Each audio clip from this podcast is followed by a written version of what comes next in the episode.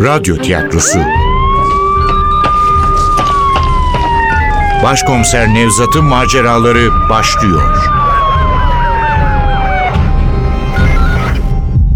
Kırlangıç Çığlığı 12. Bölüm Eser Ahmet Ümit Seslendirenler Başkomiser Nevzat Nuri Gökaşan Ali Umut Tabak Zeynep Dilek Gürel Evgenya Funda Postacı Aziz Oya Küçümen Aysun Müjde Çapraz Komiser Ercü Tuğbe İstanbulluoğlu Efektör Cengiz Saral Ses Teknisini Hamdullah Süren Yönetmen Yusuf Canlı. O akşam Evgenya'nın meyhanesinde bir sürpriz bekliyordu beni. Oysa endişeler içinde girmiştim Tatavla'nın kapısından. Evgenya'ya çocuğun öldüğünü nasıl söyleyeceğim kaygısı değildi. Onu zaten biliyordu. Telefonda söylemiştim. Duyar duymaz eyvah demişti. Eyvah zavallı çocuk. Sonra sessizce ağlamaya başlamıştı içini çeke çeke. Öylece kalmıştım telefonun öteki ucunda. Neden sonra zavallı çocuk diye tekrarlamıştı boğuk bir sesle. Hepsi bu kadardı söylediklerinin. Zaten ne vardı ki söyleyecek? Aslında bu akşam Tatavla'ya gitmeyi de düşünmüyordum. Ama Evgenya'nın sesi o kadar kederliydi ki onu yalnız bırakmaya gönlüm razı olmamıştı. Kurtuluşa gitmeye karar verince Medeni'yi de almıştım arabaya. Hatta meyhaneye de davet etmiştim ama gelmek istememişti. Yan gözle yaşlı adama bakmıştım. Ya pek de üzgün görünmüyordu. Aksine rahatlamış gibi bir hali vardı. İnsanları yargılamayı sevmem ama daha dün benden yardım isteyen o yıkılmış adam gitmiş, yerine olanı biteni metanetle karşılayan bir adam gelmişti. Büyük felaketlere uğrayan insanların büyük acıları kanıksadıklarını okumuştum. Belki medeni de aynı ruh halindeydi. İç savaşta o kadar çok yakınını kaybetmişti ki artık bu beklenmedik ölümler ona sıradan geliyordu. Ama kendisini kınadığım hissine kapılmış olacak ki Allah'tan gelene ne denir Nevzat Bey diye açıklamıştı. Hayır da şer de ondan gelir. Şüphesiz ki hepsinin bir sebebi var. İyi ki sığınacak bir tanrı vardı her zaman. Yoksa nasıl başa çıkardık bu hayatla? Sesimi çıkarmadan emektarın gazına basmıştım. Akşam trafiği nedeniyle uzun süren yolculuğumuz boyunca içimden konuşmak gelmemişti. Yaşlı adamın da benden farkı yoktu. Feriköy'deki göçmen barındırma merkezine gidinceye kadar oturduğu koltukta öylece büzülüp kalmıştı. Arabadan inerken cenazeyi ne zaman alabileceklerini sordu sadece. Bilmiyordum ama uzun sürmeyeceğini söylemiştim. Buruk bir gülümsemeyle başını sallamıştı. Arabadan inip emektarın kapısını yavaşça kapatıp kampa yönelmişti. Öylece bakmıştım medeninin arkasından. İncecik bedenini güçlükle taşıyan ayaklarını sürükleyerek göçmen kampının o ruhsuz odalarından birinde kendini bekleyen yaşlı karısına doğru yürüyüp gitmişti. Ben de direksiyonu kurtuluşa çevirip sevgilimin meyhanesinin yolunu tutmuştum.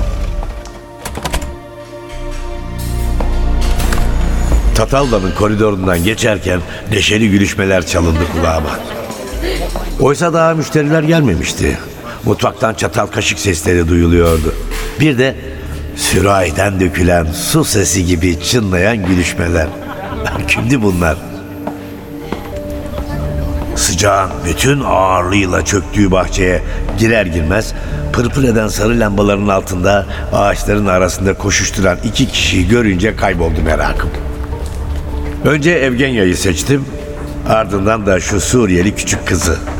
Medeni'nin yeğeni Azez adındaki çocuğu. Nasıl da neşe içinde koşturuyorlardı. Sadece küçük kız değil.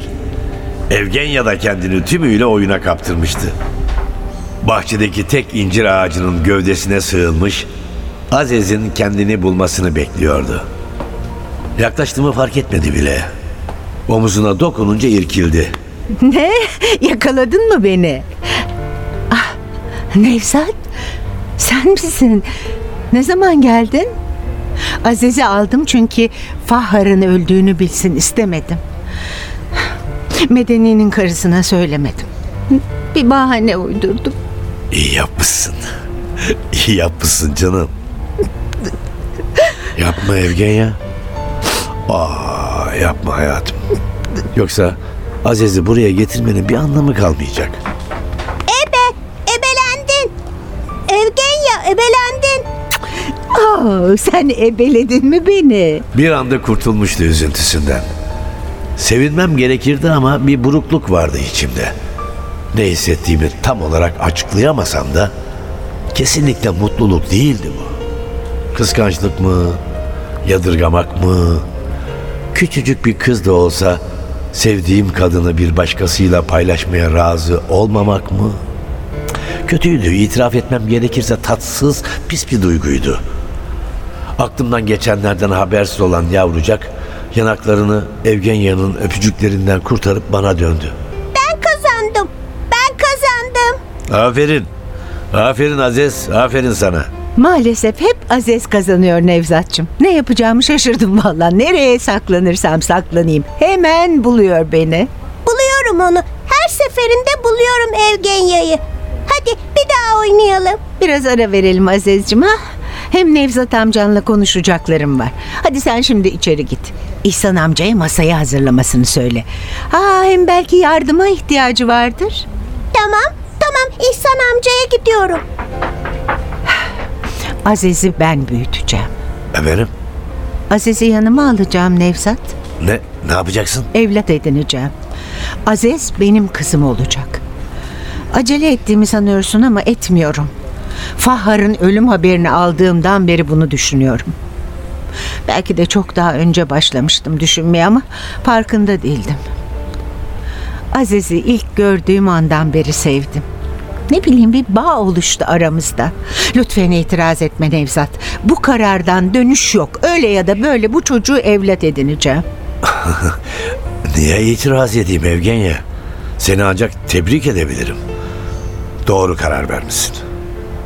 Evet, Aziz'i evlat edinmelisin. Hiç değilse bir çocuğu kurtarmış oluruz. Nevzat, ah Nevzatçım bu yüzden seviyorum seni. Dünyanın en güzel yürekli adamı olduğun için. Güzel yürekli filan değildim. Yalancının tekiydim. Hem yalancı hem de ne hissettiğini söyleyemeyecek kadar korkak. Ama sımsıkı sarıldım Evgenya'ya. Ona destek olmak için değil, aksine onun bana yardım etmesi için, içimdeki bu berbat duygudan beni kurtarması, beni makul biri yapması için. Ah Evgenya, güzel olan sensin. Kalbi de, yüzü de güzel olan sensin. Biz sadece birini kurtaracağız. Öteki çocuklar ne olacak Nevzat? Her gün Suriyeli çocuklar ölüyor. Belki ölümden daha kötü işler geliyor başlarına. Ne olacak bu böyle? Eskiden nasılsa yine öyle olacak. Ama korkarım hiç iyi olmayacak. Eskiden de berbat bir yerdi dünya. Eskiden de rezildi insanlar. Şimdi de öyle. Belki daha da fena. Karamsar konuşuyorum belki ama geleceğe güvenimi yitirdim Evgenya. O kadar çok hayal kırıklığına uğradım ki artık umut etmek istemiyorum. En saf, en masum sandığımız kişiler bile binbir hesap içinde. Hem de kirli, kanlı hesaplar. En fenasına hazır olmak lazım. O zaman daha az mutsuz oluruz. Niye öyle konuştun? Yoksa bildiğin bir şey mi var? Yoksa Aziz'i bana vermezler mi? Yani medeni bir sorun mu çıkarır? Yok yok onu kastetmedim. Medeni'nin sorun çıkaracağını zannetmiyorum. Karısının da kendisinin de bir ayağı çukurda. Aksine mutlu olmaları gerekir Aziz'i evlat edinmenden. Ama yasalara bir göz atmak lazım tabii. Yasalar önemli değil Nevzat. Adamın razı olması lazım. Fahar'ı kaybettiler. Ya Aziz'i biz büyütmek istiyoruz derlerse? Zannetmem adamcağız karnını doyurmakta zorlanıyor. Aziz'i nasıl büyütecek? Ne bileyim. Çok seviyorlar Aziz'i. Vermek istemeyebilirler. Ben konuşurum bedeniyle. Makul bir adama benziyor. Garanti de veririz. Yo Nevzat, benim konuşmam daha doğru olur. Sonuçta Aziz'i evlat edinecek olan benim. Yanlış anlama Nevzat. Her zaman senin desteğine ihtiyacım olacak. Sensiz Aziz'i büyütmem zor. Ama Medeni ile ben konuşsam daha iyi olur. İyi o zaman medeniyle sen konuş ama Aziz'i birlikte büyüteceğiz. Tabii birlikte büyüteceğiz. Senin için zor olacak mı? Yani Aysun'dan sonra Aziz kızını hatırlatıp seni mutsuz eder mi? Olur mu öyle şey? Aysun'u hiç unutmadım ki hatırlasın. Her zaman onunla birlikteyim ben. Ha, Aziz'e gelince o küçük kızın hayatımızda olması beni mutlu eder Evgenya. Kız çocuğu büyütmek şahane bir duygudur. Bak göreceksin. Her şey hazırmış. İhsan amca masayı nereye kuralım diyor. O anda bir acı hatıra uyandı zihnimde. Tıpkı böyle bir yaz akşamı, bu kadar değil ama yine de sıcak bir Haziran günü, güneş batmamış daha, radyoda da neşeli bir şarkı, mutfaktan yükselen enfes kokular, Balat'taki evimiz, Güzide yemeği hazırlamış, kızım Aysun neşe içinde odanın kapısından sesleniyor. Babacım, babacım hadi yemek hazır. Birden Tatavla'nın bahçesinde kala kaldım. Bütün bedenim denetimimden çıkmış gibiydi. Aslında Evgenya ile birlikte yürümek, Aziz'in saçlarını okşamak, bezelerle donatılacak o masanın başına neşeyle olmasa bile huzurla oturmak istiyordum. Ama yapamıyordum. Nasıl bir duyguysa bu, aklımı, bedenimi olduğu gibi ele geçirmişti. İşin en korkunç tarafıysa Evgenya'nın neler hissettiğimi anlayacak olmasıydı. İzah edemezdim bunu ona.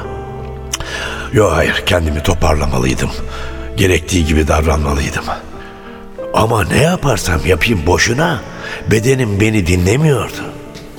Allah'tan Evgenya beni bırakmış Aziz'le yürümeye başlamıştı.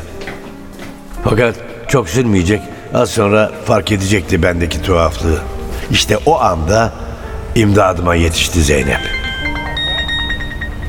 Alo, alo Zeynep. Başkomiserim, Evet kızım söyle dinliyorum. kötü bir şey oldu başkomiserim. Ali'nin başı belada. Yine ne yapmış? Hicabi İnce'nin cesedinin başında yakalamışlar. Elinde cinayet silahı varmış. Ne? Ne diyorsun kızım? Hicabi ölmüş mü? Ölmüş. Bu akşam evinde bıçaklanmış. Olay yerine giden ekipler Ali'yi yakalamışlar dairesinde. Bir an önce gelseniz iyi olacak başkomiserim. Kapıdan girince o kesif koku çarptı burnuma. Bir çürümüş çiçeklerde vardır bu dayanılmaz koku. Bir de kurumakta olan kanda. Bakışlarım avizeyle aydınlanan salonu taradı. Maktul işte oradaydı. Kese kağıdı rengindeki duvarın önünde. Hicabi'nin dehşet içinde dolmuş gözleri bu eve ilk girdiğimizde onlar benim evlatlarım dediği yurttaki çocukların mutluluk fotoğraflarına takılı kalmıştı. Bedeninin üst bölümü adeta koyu kırmızı bir pelteyle kaplanmıştı. Kısa kollu gömleği bıçak yaralarıyla delik deşikti. Hicabi'nin canını almakla tatmin olmamış, bütün bedenini parçalamak istemişlerdi. İyi akşamlar başkomiserim. Başımı çevirince yüzüme belli belirsiz bir tütün kokusu çarptı. Asayişten komiser Ercü duruyordu karşımda. Namı diğer Ercü. Yükselmek için yapmayacağı iş yoktu. Aslında başarılı bir polisti ama vicdansızdı. Hem de çok vicdansız. Yukarıya yaranmak için elinden gelen her türlü yalakalığı yapan, emrindeki polisleri acımasızca ezen biriydi. Yükselmesine engel olduğu için birlikte çalıştığı iki komiseri harcamıştı. Hiç sevmezdim, o da beni sevmezdi. Ne beni ne de ekibimi. Bilhassa Ali'ye de düşmandı. Altı ay kadar önce Suadiye'de iki ceset bulunmuştu. Ünlü bir iş adamının oğluyla kız arkadaşı şakaklarına birer kurşun sıkılarak lüks bir arabanın içine bırakılmıştı. Olay bizim büroyu ilgilendiriyordu ama katili yakalamanın şöhretine şöhret katacağını düşünen Ercü uyanıklık yaparak soruşturmaya müdahil olmak istemişti. Durumu fark eden Ali elbette buna izin vermemişti. Aralarında büyük bir tartışma çıkmıştı. Amirleriyle ilişkilerinin iyi olmasına güvenen Ercü, yardımcıma silah çekecek kadar işi ileriye götürmüştü. Bizimki durur mu? Ercü'nün tabancasını elinden almakla kalmamış, bir güzel de sopa çekmişti adamlarının gözü önünde. Silahını da iade etmemiş bana getirmişti. Hiç unutmam o günü. Ben de Ali'ye kızmıştım. İşte o şaibeli polis bu gece eline büyük bir koz geçirmiş, neşeyle karşımda dikiliyordu. Sigaradan sararmış küçük keskin dişlerini göstererek arsız arsız sırıttı. Tam zamanında geldiniz. Sizinkiler sıkılmıştı beklemekten. İyi akşamlar Ercü komiser. Hayrola ne işiniz var burada? Ne işimiz olacak başkomiserim? Görmüyor musunuz? Adamı delik deşik etmişler. Komşular hırsız var diye ihbar etmiş. Telsizden anons geçildi. Biz de vazife icabı intikal ettik. Şu işe bakın ki yardımcınızı bulduk cesedin başında. Hem de elinde cinayet silahıyla. E, Başka kimi bulacaktınız ki? Bu davaya biz bakıyoruz. Hangi davaya? Oğlum, oğlum biraz uzaklaş. Ağzımın içine giriyorsun. Ercü'yü tersleyip ne diyeceğini beklemeden yardımcılarıma yöneldim. Geldiğimi gören Ali oturduğu koltuktan kalkmış, suçlu bir çocuk gibi yüzü yerde, elleri önünde bekliyordu. Onu hiç böyle görmemiştim. Belli ki bu defa fena çuvallamış, baltayı taşa vurmuştu. Nasıl bir belaya soktun başını evladım diyemezdim. Önce şu suratsız komiserden kurtulmalıydım. Ama suratsız komiser gitmeme izin vermedi. Bir dakika, bir dakika. Ne oldu yine ne var? Anlamadınız galiba başkomiserim. Sizin Ali'yi cesedin yanında bulduk. Elinde kanlı bir bıçakla. Ya asıl sen anlamıyorsun. Maktul bizim incelediğimiz davadaki tanıklardan biriydi. Ali onu sorgulamak için gelmişti buraya. Ama Ali komiser öyle söylemedi. Dut yemiş bülbül gibi oturuyor akşamdan beri karşımızda. Ya sen çocuk musun Ercü? Kendi davamızdan niye bahsedelim sana? İyi de az kalsın gözaltına alacaktık Ali komiseri. Senin öyle bir yetkin yok. Ama ama başkomiserim. Ne aması ya anlamıyor musun kardeşim? Sen nasıl vazife başındaysan Ali de vazife başında. İşini yapan bir polisi nasıl gözaltına alırsın ya? Siz de olsaydınız aynını yapardınız başkomiserim. Nereden bilelim Ali komiserin bu davayla ilgilendiğini? İhbar alıp geliyoruz. Cesedin başında onu buluyoruz. Meslektaşımız diye nezaket gösteriyoruz. İnsan gibi soruyoruz. Tenezzül edip cevap bile vermiyor. İyi yapıyor. Ali'nin sorumluluğunda olan bir mahallede bulunuyorsunuz. Bir de size hesap mı verecek? Ha? Uzatmayalım artık Ercü. Hadi siz de toparlanın. Tüm sorumluluk bana ait. Bu kadar adam cinayet mahalline zarar veriyor ya. Zeynep, olay yeri inceleme nerede? Yoldalarmış başkomiserim. Şefik'le az önce konuştum. Sen inceledin mi maktulü bir şeyler var mı?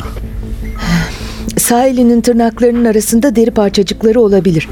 Laboratuvarda incelemek lazım. Eğer başka deri parçaları bulursak kurban katil ya da katillerle mücadele etmiş demektir. Aslında doğru dürüst çalışamadım çünkü Ercü komiser incelememe izin vermedi. Ya nasıl? Hangi yetkiyle benim komiserimi engelliyorsun ya?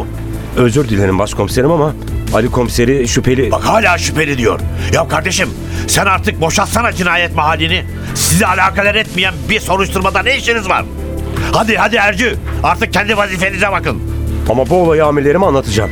Hiç durma. Hatta bir tutanak hazırla. Hemen imzalayayım ben. Estağfurullah başkomiserim. Öyle şeylere gerek yok da vazifemizi doğru yapalım diye. Uzatıyorsun Ercü. Aklına yatmayan bir husus varsa hiç durma rapor yaz.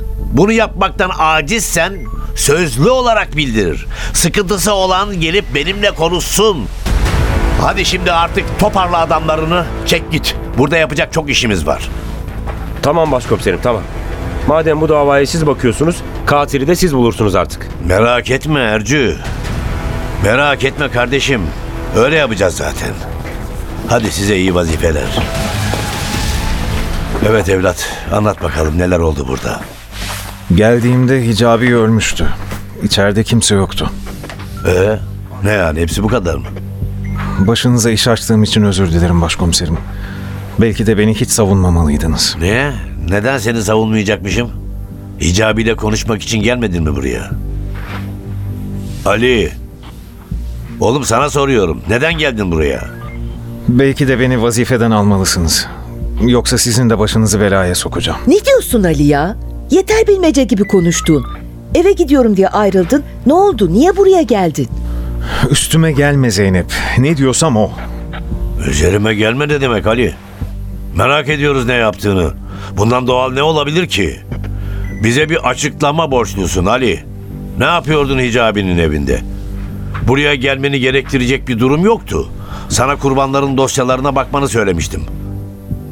Aa evet bir de çocuk yurtlarına bakan arkadaşınla konuşacaktın. Sipsi İsmail hakkında. Yoksa o arkadaşın yurt müdürü hakkında önemli bir bilgi mi verdi? Yoksa maktulü tanıyor muydun? Neden susuyorsun Ali? Neden anlatmıyorsun? Yeter! Yeter ya beni rahat bırakın. Ali ne yapıyorsun? Ali yumruk yaptığı sağ elini havaya kaldırmıştı. Göz göze geldik. Çılgın gibiydi. Havadaki yumruğunu şimdi suratıma indirecek diye geçirdim içimden ama yapmadı. Derin bir nefes aldı. Sonra kapıya yöneldi. Ali! Ali dur!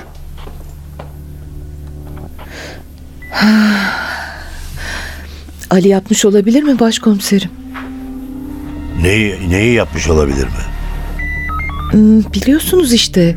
Bir an Ali'nin öfke dolu yüzü, çılgın gözleri belirdi zihnimde. Hemen kovdum bu görüntüyü. Emin olduğum için değil ama emin olmaya ihtiyacım olduğu için kararlılıkla yardımcımı savundum. Hayır, bunu Ali yapmış olamaz. Kırlangıç Çığlığı Eser Ahmet Ümit. Seslendirenler Başkomiser Nevzat Nuri Gökaşan Ali Umut Tabak Zeynep Dilek Gürel Evgenya Funda Postacı Aziz Oya Küçümen Aysun Müjde Çapraz Komiser Ercü Tuğbe İstanbulluoğlu Efektör Cengiz Saral Ses Teknisini Hamdullah Süren Yönetmen Yusuf Canlı.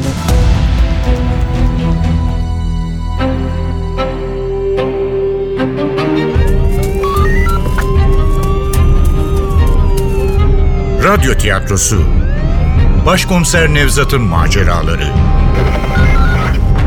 Başkomiser Nevzat'ın maceraları her cumartesi 11.15'te NTV Radyo'da. Kaçıranlar ve tekrar dinlemek isteyenler içinse ntvradio.com.tr'deki podcast sayfamızda.